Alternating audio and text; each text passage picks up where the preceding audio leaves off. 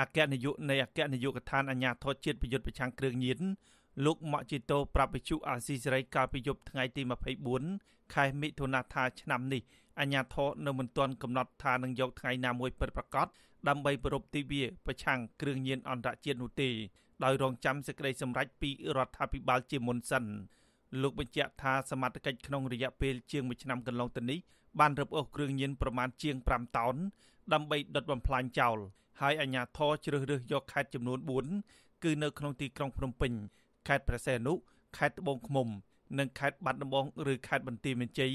ដែលមានន័យថាកន្លែងណាដែលចាប់គ្រឿងញៀនច្រើនជាងគេ គឺត្រូវប្រារព្ធពិធីដុតបំផ្លាញចោលនៅទីនោះ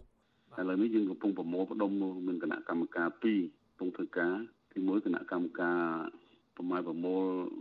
ទ្រព្យសម្បត្តិនិង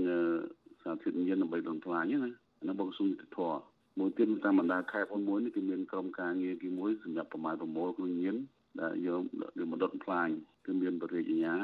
ខេត្តនឹងទាំងអស់ហ្នឹងគឺថាបរិញ្ញាមួយជាប្រធានមានកោបាលមានអីចឹងទៅចូលរួមលោកបានបន្តថាគ្រឿងញៀនដែលត្រូវដុតបំផ្លាញចោលនោះចែកចេញជាពីរប្រភេទគឺគ្រឿងញៀនដែលមិនមានសារធាតុគីមីគឺត្រូវដុតបំផ្លាញចោលតែម្ដង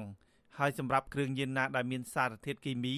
គឺក្រុមអ្នកជំនាញ ធ្វើពិធីបន្សាបជាមុនសិនមុននឹងដុតបំផ្លាញចោលដើម្បីការពារកុំឲ្យប៉ះពាល់ដល់សុខភាពប្រជាពលរដ្ឋ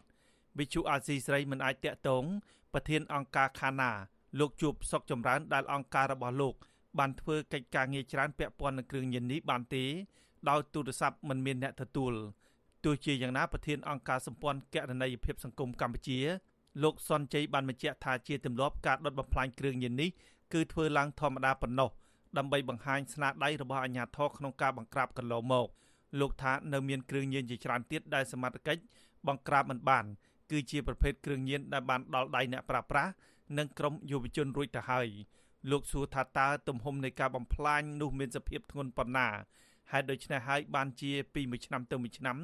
ចំនួនគ្រឿងញៀនគ្រប់ប្រភេទដែលសមត្ថកិច្ចមិនទាន់បង្ក្រាបបាន គឺជាចំណុចគួរឲ្យព្រួយបារម្ភ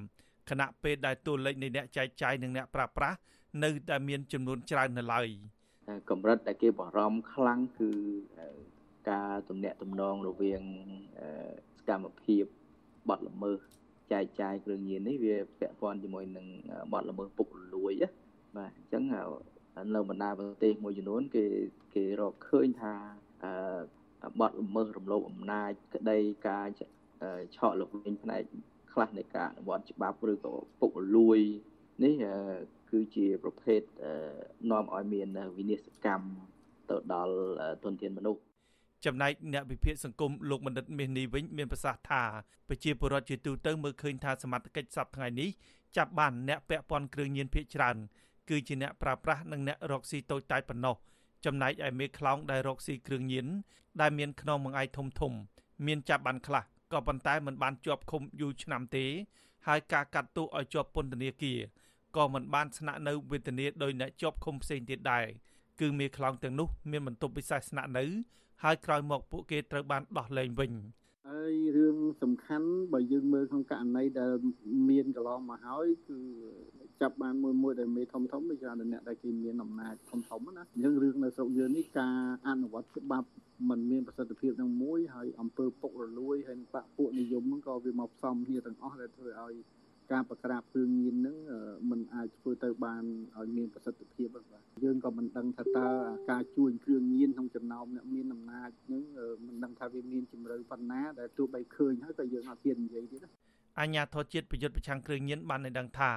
ចាប់តាំងពីខែមិថុនាឆ្នាំ2020ដល់ថ្ងៃទី24ខែមិថុនាឆ្នាំ2021នេះសមត្ថកិច្ចចាប់បានគ្រឿងញៀនចំនួនជាង5តោននិងជនល្មើសទាំងអ្នកជួញដូរនិងអ្នកប្រើប្រាស់ជាង20000នាក់ ក្នុងនោះមានជនបរទេសចម្រុះជាតិសាសន៍ជាង800នាក់ក្នុងចំណោមជនបរទេសទាំងនោះជនជាតិចិនច្រើនជាងគេគឺមានចំនួនជាង300នាក់ក្រៅពីនោះមានជនជាតិជប៉ុនអូស្ត្រាលីរុស្ស៊ីវៀតណាមនិងជនជាតិនីហ្សេរីយ៉ាជាដើមខ្ញុំបាទហេងរស្មី អាស៊ីសេរីពីរដ្ឋធានី Washington